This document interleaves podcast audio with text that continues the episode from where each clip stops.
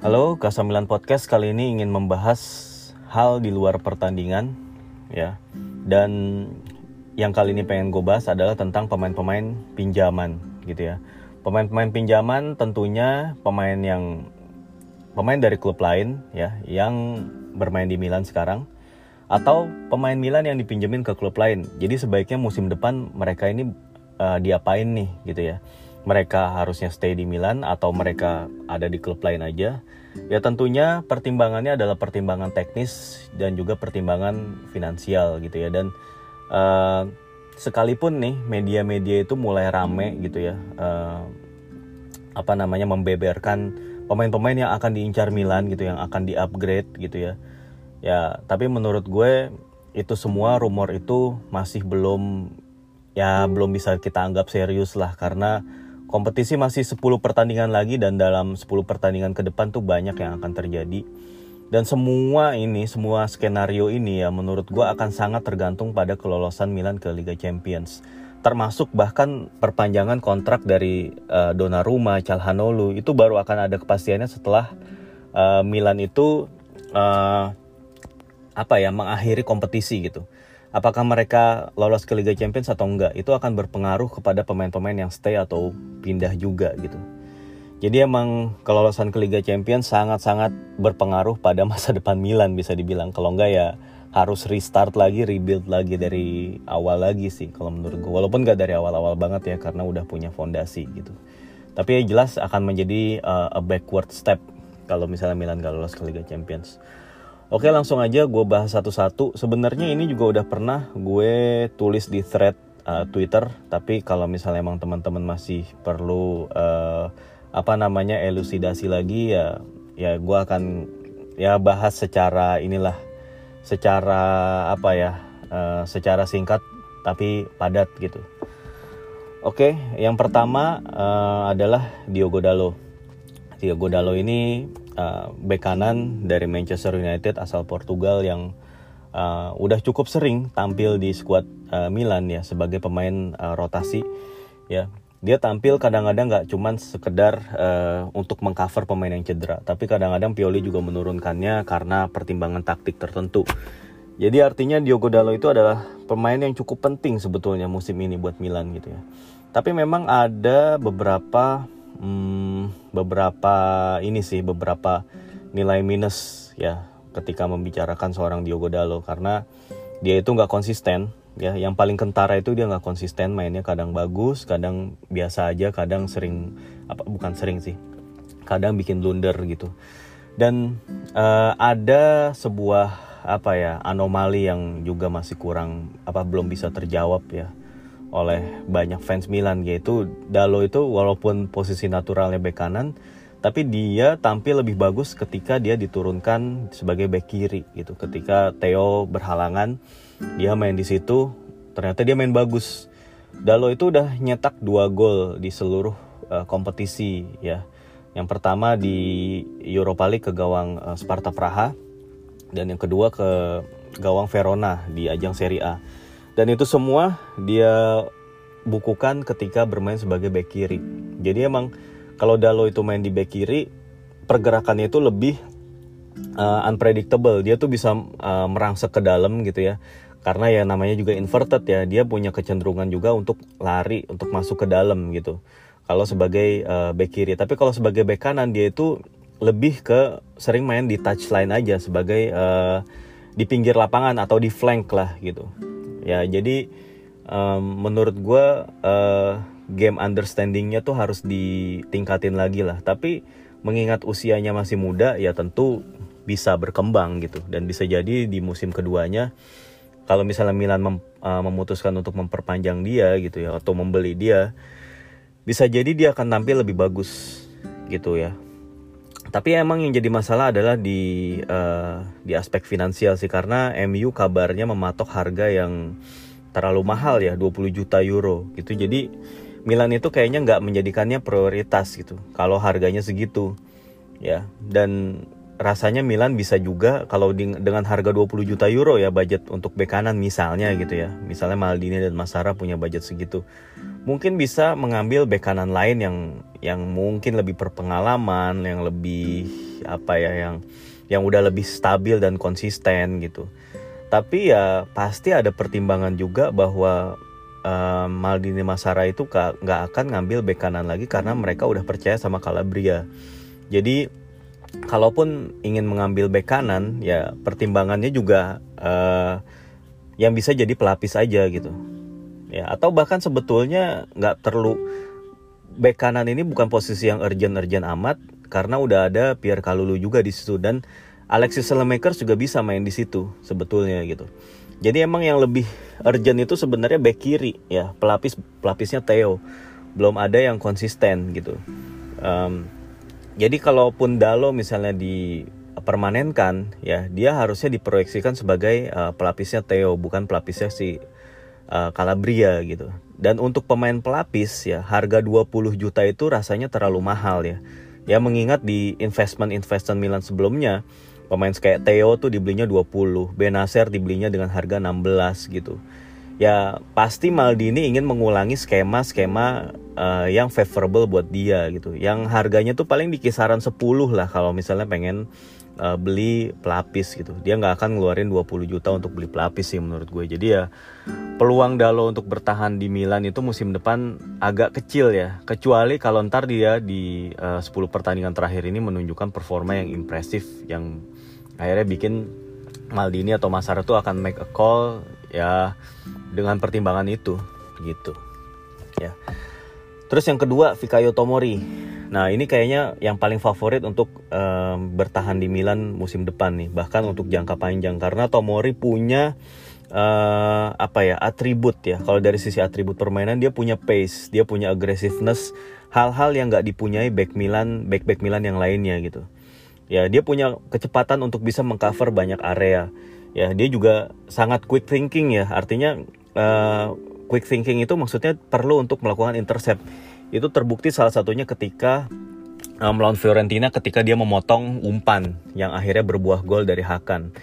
Itu adalah salah satu aspek dia yang sangat berharga. Dan juga keberanian dia dalam melakukan tackle tackle dan tackle-nya itu ternyata bersih gitu. Ada sering banget ya ada highlight yang dia apa namanya yang jadi dijadiin gift gitu ketika misalnya ketika uh, pas lawan Inter atau pas lawan gue lupa lawan tim mana ya lawan Roma apa ya pokoknya dia itu bisa melakukan tackle yang bersih gitu yang tanpa ragu-ragu gitu dan inilah yang nggak dipunyai oleh center back Milan lainnya jadi gue rasa ya harga 28 juta euro, euro itu jadi terlihat wajar ya padahal tadinya ya itu harga kelihatannya kemahalan apalagi buat back muda yang pengalamannya sedikit yang cuman jadi pilihan kelima di tim Chelsea gitu. Tapi ternyata di Milan dia menemukan kecocokan dan cepat dalam beradaptasi. Jadi gua rasa Maldini dan Masara ya itu akan mendahulukan Tomori ya ketika misalnya ada kepastian lolos ke Liga Champions musim depan gitu ya. Ya kalaupun misalnya nggak lolos pun ya gua rasa Tomori tetaplah dipermanenin aja gitu sebagai buat masa depan lah, buat investasi masa depan itu. Ya. Terus yang ketiga Sandro Tonali ya ini menurut gue juga selain Tomori Tonali juga harus jadi prioritas juga karena uh, dari awal sih gue tetap uh, yakin bahwa Tonali ini akan menjadi masa depan Milan gitu karena usianya masih sangat muda dan dia udah nunjukin kualitas yang emang uh, bukan kualitas yang overhype sebetulnya. Banyak yang bilang overhype tapi menurut gue emang Tonali itu wajar lah untuk dihargai segitu gitu karena potensi yang dia punya, atribut-atribut yang dia punya, dan uh, belakangan ini dia juga uh, mulai bisa menyatu dalam permainan dan uh, mulai bisa memahami game plan dari Coach Pioli ya. Jadi ya dia berperan bisa berperan dengan baik sebagai gelandang bertahan ataupun gelandang tengah walaupun uh, kalau sebagai mezzala dia ya ada kekurangan dalam dari sisi kecepatan ataupun dribbling gitu ya dari sisi skill tapi kalau dalam hal jadi gelandang bertahan menurut gue dia udah paham positioningnya udah bagus uh, kemampuan reading gamenya juga udah meningkat ya. Paling ya passing-passingnya perlu ditingkatin lagi menurut gue kepercayaan dirinya. Dan menurut gue coach Pioli juga perlu ngasih kesempatan dia untuk ngambil lebih banyak lagi set piece ya. Kalau misalnya Hakan lagi nggak main mendingan dia aja yang ngambil set piece lah daripada misalnya Samu yang ngambil gitu. Better dia sih kalau gue bilang gitu. Oke, untuk selanjutnya setelah uh, Sandro Tomali adalah Sohaliho Meite. Ya jadi Mete ini emang didatangkan pada akhir-akhir uh, bursa transfer musim dingin. Ketika itu emang Milan membutuhkan seorang uh, gelandang untuk melapis Ismail Benacer yang uh, mengalami yang rentan cedera lah bisa dibilang ya. Jadi Mete itu dengan harga yang bisa dibilang murah gitu ya uh, tapi dia sebenarnya punya kualitas gitu ya ini emang jadi pilihan ya dari uh, Maldini dan Masara Mete juga punya pengalaman Serie A, Mete juga uh, punya kekompakan juga dengan Kessie karena dia mereka sama-sama berbahasa Prancis. Kalau menurut Mete sendiri itu sangat memudahkan mereka dalam berkolaborasi di lapangan gitu. Nah Mete itu juga uh, ada mix lah, mix performance ya. Uh, di awal-awal dia tuh dianggap uh, ampas lah, nggak nggak cocok, bukan Milan material gitu. Sering bikin kesalahan, terus um, apa namanya ya sering ngelakuin pelanggaran yang nggak perlu terus juga sering salah passing dan lain-lain gitu. Tapi seiring berjalan waktu uh, ketika dia terus dipercaya ternyata ya dia bisa nunjukin juga beberapa kali performa yang lumayan gitu ya. Lumayan lah gitu. Untuk sebagai backup dia lumayan banget gitu menurut gue dan dia bisa berguna gitu.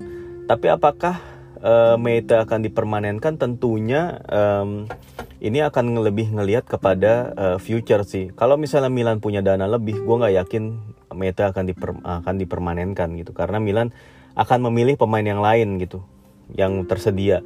Entah itu ngebalikin si Pobega nanti akan kita bahas, atau ngebeli pemain lain yang posisinya sama kayak dia, tapi uh, mungkin sedang, sedang lagi dalam kondisi yang kurang akur dengan manajemen. Kayak contohnya Sofian Amrabat ya. Waktu itu Amrabat uh, waktu masih zamannya masih ada Prandelli sih. Dia lagi nggak akur sama Prandelli akhirnya dia dicadangin terus. Tapi setelah Prandelli cabut ya mungkin sih si Amrabat akan lebih dimainin sama coach uh, eh, BP Yakini. Tapi ya kita nggak tahu ya apakah dia akan available untuk dijual atau enggak ya. Amrabat sih kabarnya uh, dibanderol sekitar 20-an yang mana itu harga yang cukup pantas untuk pemain yang memiliki agresivitas dan uh, power seperti dia jadi menurut gue uh, Amrabat itu cukup bagus sebenarnya sebenarnya untuk jadi pelapisnya si Benacer. Tapi memang masalahnya harga sih. Kalau Mete itu bisa didatangkan dengan 8 juta aja, Amrabat itu harganya ya dua setengah kali lipatnya lah. Jadi mungkin akan ada evaluasi dulu dari manajemen dan peluang Mete untuk bertahan sih menurut gue ya antara 50-50 lah gitu. Kalau Mete dalam 10 pertandingan terakhir itu bisa nunjukin performa yang bagus, gua rasa manajemen akan ngebeli dia. Ya harganya murah gitu. 8 juta doang. Untuk pelap, eh, pemain pelapis ya oke okay lah dia. Gitu sih kalau menurut gue. Lalu kemudian set, uh, selain Mete yang ke, uh, Mete itu yang keempat ya. Uh, yang kelima itu adalah si uh, Brahim Diaz. Nah Brahim Diaz ini uh, ini juga sama dengan Dalo menurut gue nggak konsisten ya. Kadang-kadang bagus kadang-kadang uh, sering membuat keputusan yang uh, keliru gitu. Masalah decision makingnya dia ataupun ya per, uh, apa ya persoalan taktikal kayak gitu yang perlu dibenahi dari pemain-pemain muda kayak dia yang skillful gitu. Tapi kalau soal skill Brahim itu bagus, bagus banget malah uh, dribbling jarang pendeknya tuh bagus. Ya beberapa kali nyumbang assist, dia terus nyum, udah nyumbang uh, dua gol di Serie A dan berapa ya dua gol juga kalau nggak salah di ajang Europa League gitu. Jadi menurut gue ini adalah di Milan ini tahun yang positif buat Brahim. Uh, terlebih ya sebelumnya dia di Madrid atau Manchester City dia jarang dapat menit bermain. Tapi sekarang di Milan dia banyak banget ya. Uh, berhubung skuadnya Milan tipis, dia sering dapat kesempatan. Tapi emang ketika dia dapat kesempatan itu ya itu, ya mix aja gitu. Kadang-kadang dia deliver, kadang-kadang enggak. Nah, paling ya tinggal apakah uh, Maldini itu berniat untuk exercise uh, loannya si uh, Brahim. Karena statusnya dry loan ya nggak ada opsi beli jadi masih harus dibicarakan di uh, akhir musim. Tapi emang menurut gue ya kalaupun misalnya Brahim tampil bagus dalam 10 pertandingan sisa ini posisinya akan sulit buat Milan karena Madrid akan akan mengambil dia gue rasa Madrid nggak akan ngulangin mereka nggak mau sih ngulangin kesalahan banyak ngelepas pemain-pemain bintangnya atau pemain-pemain muda calon bintangnya dia ke klub lain. Ya kalaupun misalnya dilepas itu harganya pasti mahal. Ya namanya Madrid material ya itu bisa menghabiskan kira-kira between 20 sampai 30 juta. Yang mana price tag itu nggak akan visible buat Milan gitu. Jadi ya semuanya tergantung dari uh, Madrid sih kalau gue bilang. Dan peluangnya gue rasa lebih besar Brahim itu balik lagi ke Madrid daripada dia bertahan di Milan gitu ya. Itu sih kalau uh, Brahim ya dan itu kalau pem, itu pemain-pemain yang emang uh, dipinjam oleh Milan dari uh, klub lain. Lalu bagaimana dengan pemain-pemain dari uh, Milan yang dipinjamkan kepada klub lain? Itu bisa dimulai dari Andrea Conti. Ya, kalau Conti sih ada uh, klausulnya itu loan dengan obligation to buy. Artinya ada kewajiban untuk Parma menebus Andrea Conti di akhir musim, tapi juga dengan catatan Parma lolos dari degradasi. Nah sekarang Parma itu lumayan ada di posisi 19 ya 19 di atasnya Crotone di bawahnya Cagliari dan di atasnya lagi masih ada Torino dan kemudian ada tim kayak Benevento uh, sama satu, satu lagi apa yang masih terancam degradasi itu uh, Gen apa Benevento uh, gue lupa deh. Apakah Udinese kah apakah si siapa lagi tuh namanya Fiorentina ya malah ya. Dan gue rasa sih Parma agak sulit ya. Gue dengan berat hati bilang Parma ini agak sulit peluangnya untuk bertahan di Serie A. Jadinya ya kemungkinan ya Conti bakalan balik sih ya. Nah dengan Continya eh, balik ya bisa jadi Dalo itu nggak jadi ditebus karena Conti akan dikasih kesempatan kedua oleh Milan atau bisa jadi kalau emang Conti itu udah nggak masuk rencananya Pioli ya dan ya yang mana yang sepertinya emang seperti itu ya uh, sayangnya seperti itu ya. Milan akan mencari mencarikan klub baru lagi gitu yang akan meminjam atau membeli dia secara permanen gitu. Kayaknya sih uh, Pioli tuh nggak ini uh, nggak nggak akan mempertahankan Conti. Karena beberapa kali Conti available yang dimainin itu uh, Kalulu gitu ya. Ataupun Dalo gitu yang di situ Conti itu jarang banget ya Cuman ter penampilan terakhir Conti itu di ajang Copa tahu gue. Saya ingat gue waktu Milan tuh lawan kalau nggak salah sebelum lawan Torino tuh lawan mana ya? Lawan Crotone apa ya? Yang Conti itu jadi kapten di situ. Itu malah jadi kapten dia. Tapi itu kayaknya emang udah performa terakhir dia di Milan gitu ya. Uh, terus kemudian setelah uh, Conti uh, itu ada Diego Laxalt. Nah Diego Laxalt ini sayangnya waktu itu dibeli mahal sih. Kalau nggak salah 15 atau 18 juta euro gitu. Oleh uh, Leonardo waktu itu ya. Waktu zaman dia masih jadi sport director. Ya, dibeli dari Genoa dengan harga segitu. Tapi ya performanya ya nggak stabil. Ya dan dia nggak memberikan rasa aman baik ketika bertahan ataupun fase fase menyerang gitu. Ya ketika bertahan ya dia nggak memiliki defense yang sebagus itu. Kalau dalam menyerang juga dia dia ya tidak inilah nggak terlalu memberi ancaman lah gitu ya dibandingin sama Theo itu jauh gitu ya. Tapi uh, Laksalt itu ternyata impresif dan cukup kepake di Celtic ya dalam masa peminjamannya. Dan pelatih Neil Lennon itu make dia banget waktu di Celtic ya. Waktu lawan Milan itu Laksalt itu main dalam dua game waktu di babak uh, apa penyisihan grup dan Laksalt ini sejauh ini jadi pemain inti dan ada kemungkinan Rangers akan eh pas Rangers lagi Celtic akan ngebeli dia. Cuman masalahnya price tag yang dipajang sama Milan itu di angka 9 sampai 10 juta. Yang mana uh, kalau dari sisi kalau kita ngitung apa ya nilai bukunya ya. Nilai bukunya Laksalt itu berarti taruhlah dia dibeli 18 juta euro untuk 4 musim gitu. Berarti kan semusim itu uh, apa ya?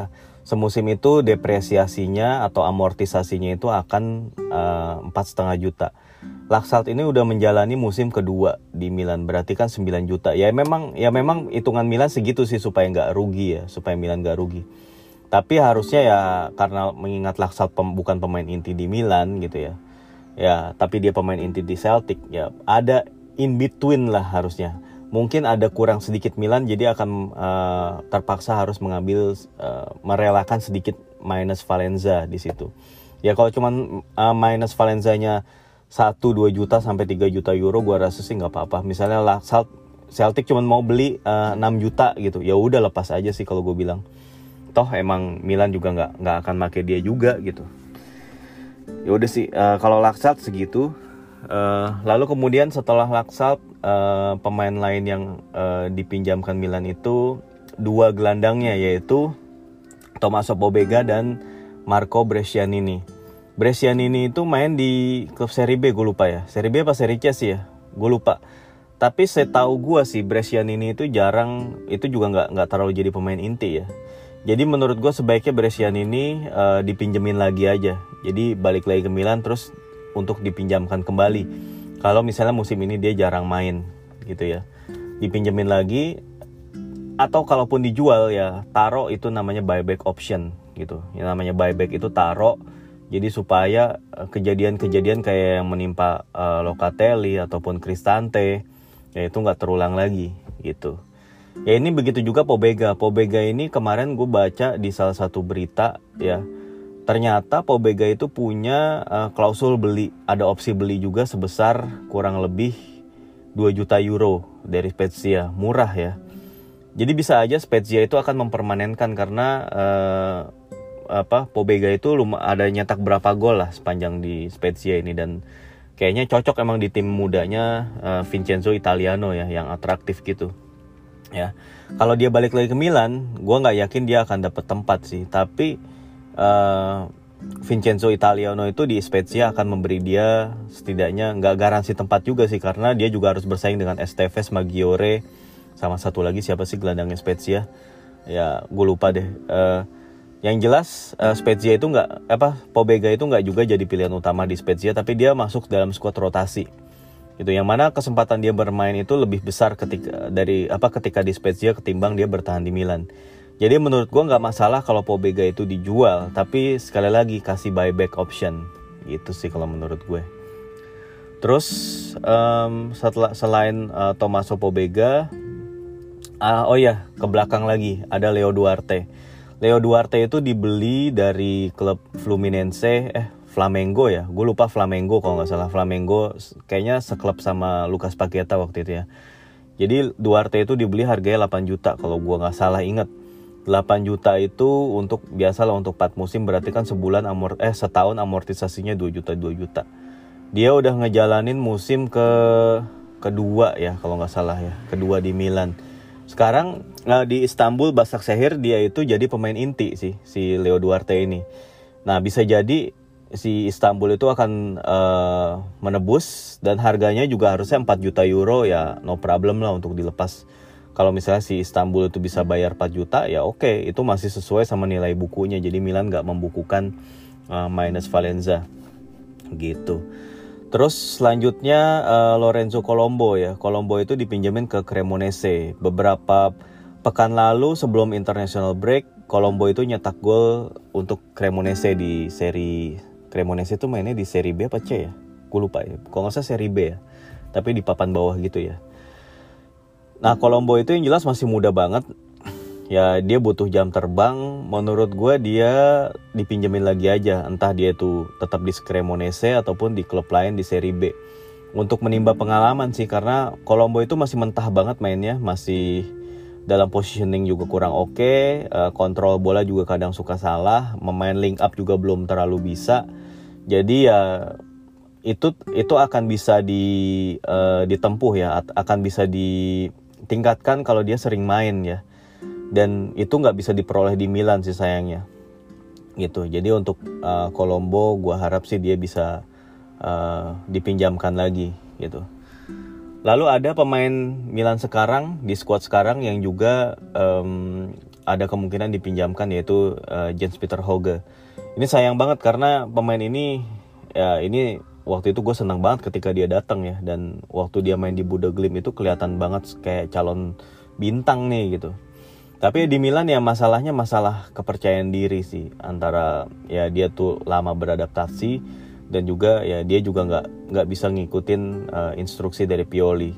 Nah inilah yang kerap jadi problem dan akhirnya uh, Hoge jadi dicadangin terus dan bahkan uh, di exclude dari squad ya, UEL dan ketika pemain-pemain sayap itu pada habis ya Pioli bahkan lebih memilih memainkan Krunic di situ ya yang lebih suka main aman daripada Hoge yang sebenarnya emang secara natural pemain sayap kiri gelandang kiri.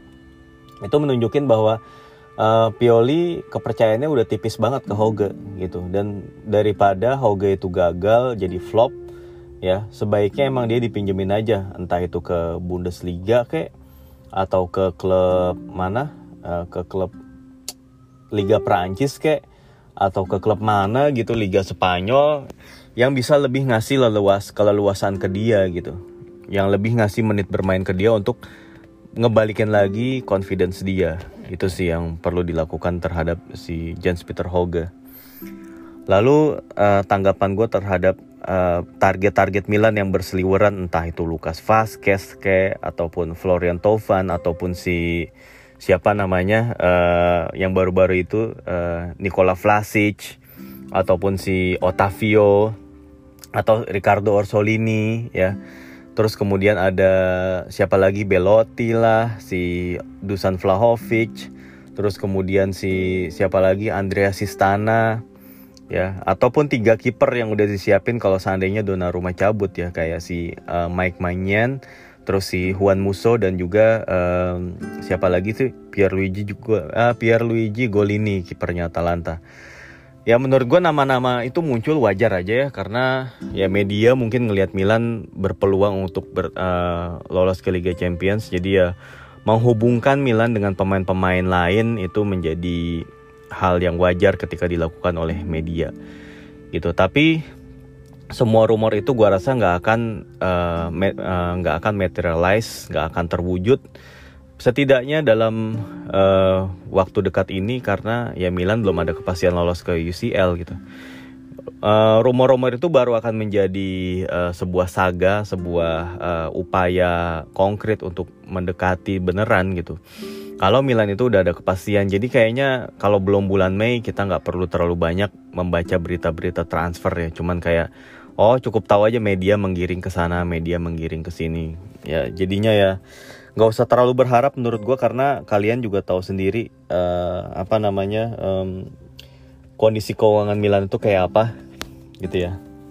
Oh ya by the way uh, itu aja sih yang mau gue bahas ya ya tentang pemain-pemain loan. Dan gue juga mau nanya nih teman-teman bisa mention ke gue uh, apa namanya dari uh, teman-teman itu udah setahunan lebih berarti ya atau hampir dua tahun ya dengerin Kasamilan podcast. Apakah teman-teman sendiri punya jadi punya sudut pandang gitu jadi punya sudut pandang terhadap kondisi Milan gitu? Atau misalnya ada nggak sih yang berubah di, dari teman-teman itu yang suka ngedengerin Kasamilan Podcast baik dari ketika teman-teman itu nonton pertandingan gitu ataupun juga ketika teman-teman itu uh, melihat rumor transfer seperti ini gitu ya. Atau ketika teman-teman itu uh, apa ya kayak misalnya ada media yang oh ini uh, contohnya kayak media itu kayak bilang oh Milan itu berpeluang loh keempat besar Milan itu belum habis loh peluangnya di skud, uh, mengejar Scudetto gitu. Atau malah ya Milan itu udah terancam loh kayak dari uh, bisa terdongkel dari empat besar gitu. Kayak misalnya ada nggak sih uh, misalnya teman-teman itu ngedengar berita-berita seperti itu gitu. Kalau teman-teman itu dengar Kasamian podcast ya, ada nggak sih pengaruhnya dalam menyikapi rumor-rumor seperti itu gitu? Ya apakah maksudnya pendek kata nih apakah dengan mendengarkan Kasamilan podcast itu uh, ada nggak yang berubah dari cara teman-teman itu ngedukung Milan? Kayak gitu aja sih. Gue nggak bilang apakah ini berubah lebih baik atau enggak gitu ya. Gue itu kan ya itu masing-masing lah gitu ya. Masing-masing dari teman-teman sendiri. Gitu. Gue cuman pengen tahu aja Uh, kalau emang teman-teman berkenan meluangkan waktu silakan di mention tapi ya sorry nggak ada hadiah apa-apa ya. Jadi ya ya Kasamilan podcast ini emang emang cuma podcast. Ini bukan uh, bukan tempat untuk quiz hunter ataupun giveaway hunter. Ya dan gue juga nggak akan uh, menjanjikan apa pun gitu. Gue nggak akan bilang lu kalau follow uh, Kasamilan uh, podcast akan sering-sering dapat giveaway. Nggak juga. Sesekali mungkin gue emang akan ngasih giveaway tapi gue nggak akan bilang itu kapan gitu. Jadi ya pantau-pantau aja gitu. Jadi ya Kasalan Podcast ini emang bener-bener podcast opini lah podcast suka-suka ya. Opini ataupun juga eh, nggak uh, cuman opini sih banyak juga analisisnya. Karena dalam bikin K9 Podcast ini gue sering kali ngelihat data gitu ya, ngelihat data, ngelihat statistik, ngelihat fakta, ngelihat tren seperti itu. Jadi ya nggak cuman opini ya, tapi juga data dan gue juga berusaha untuk tidak menggiring opini sih. Artinya ketika gue membuat sebuah episode, gue usahakan ya, gue nggak punya agenda gitu. Misalnya gue pengennya uh, teman-teman itu misal nih ya, ketika uh, eh, gue pengen bilang nih sebenarnya Hoga bukan pemain jelek gitu. Tapi gue tetap akan uh, mendasarinya dengan fakta dan data dulu gitu. Kalau emang dia ternyata nggak sesuai harapan ya udah gue akan bilang juga secara jujur kayak gitu gitu loh. Ya intinya uh, yang gue harapin kalau teman-teman sering ngikutin uh, Kasamilan Podcast uh, jadi teman-teman itu ketika uh, beropini itu ada ada basisnya ada datanya gitu ya jadi emang mm, opininya itu uh, ada ininya lah, ada apa ya, ada alasannya gitu.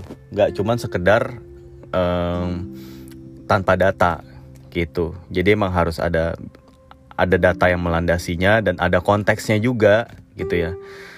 Dan apa misalnya menganalisis sebuah pertandingan juga itu benar-benar dilihat momen demi momen, key moments, terus ya mudah-mudahan gue juga mengharapkan ya teman-teman juga mulai sedikit demi sedikit paham mengenai konsep kayak expected goals atau istilah-istilah advance statistik juga gitu. Karena kalau cuman paham apa kayak cuman bilang ya, oh ball possessionnya tinggi berarti mendominasi gitu. Gak seperti itu karena gue sering kali ketika dalam uh, membahas pertandingan ya, gue nyebutin expected goalsnya berapa dan tools berupa expected goals itu emang penting ya untuk uh, meng apa ya mengidentifikasi apakah klub itu ya main bagus atau enggak sih gitu ya. Intinya gitu sih ya gue udah ngebahas expected goals itu seperti apa di berbagai episode Tika Samilan Podcast dan semoga aja teman-teman udah mulai familiar dengan itu gitu ya. Ya artinya ya pada intinya ya gue berharap Kasamilan Podcast ya bisa memberikan manfaat lah buat teman-teman semua. Dan manfaatnya bukan cuma dari sekedar hiburan tapi teman-teman juga ada nambah insight gitu. Insight baru pengetahuan baru gitu ya. Ya itu sih yang gue harapkan ketika membuat channel ini. Jadi ya ya udah teman-teman bisa bisa mention bisa atau bisa nge DM lah atau apa pun itu gitu. Uh, kasih tahu ke gue gitu apa yang teman-teman dapatkan ketika sejauh ini mendengarkan Kasamilan Podcast Udah itu aja yang mau gue uh, sampaikan. Ya mohon maaf atas segala kekurangan dan terima kasih sekali lagi udah ngedengerin Kasamilan Podcast. Sampai jumpa lagi dalam episode-episode mendatang. Ciao.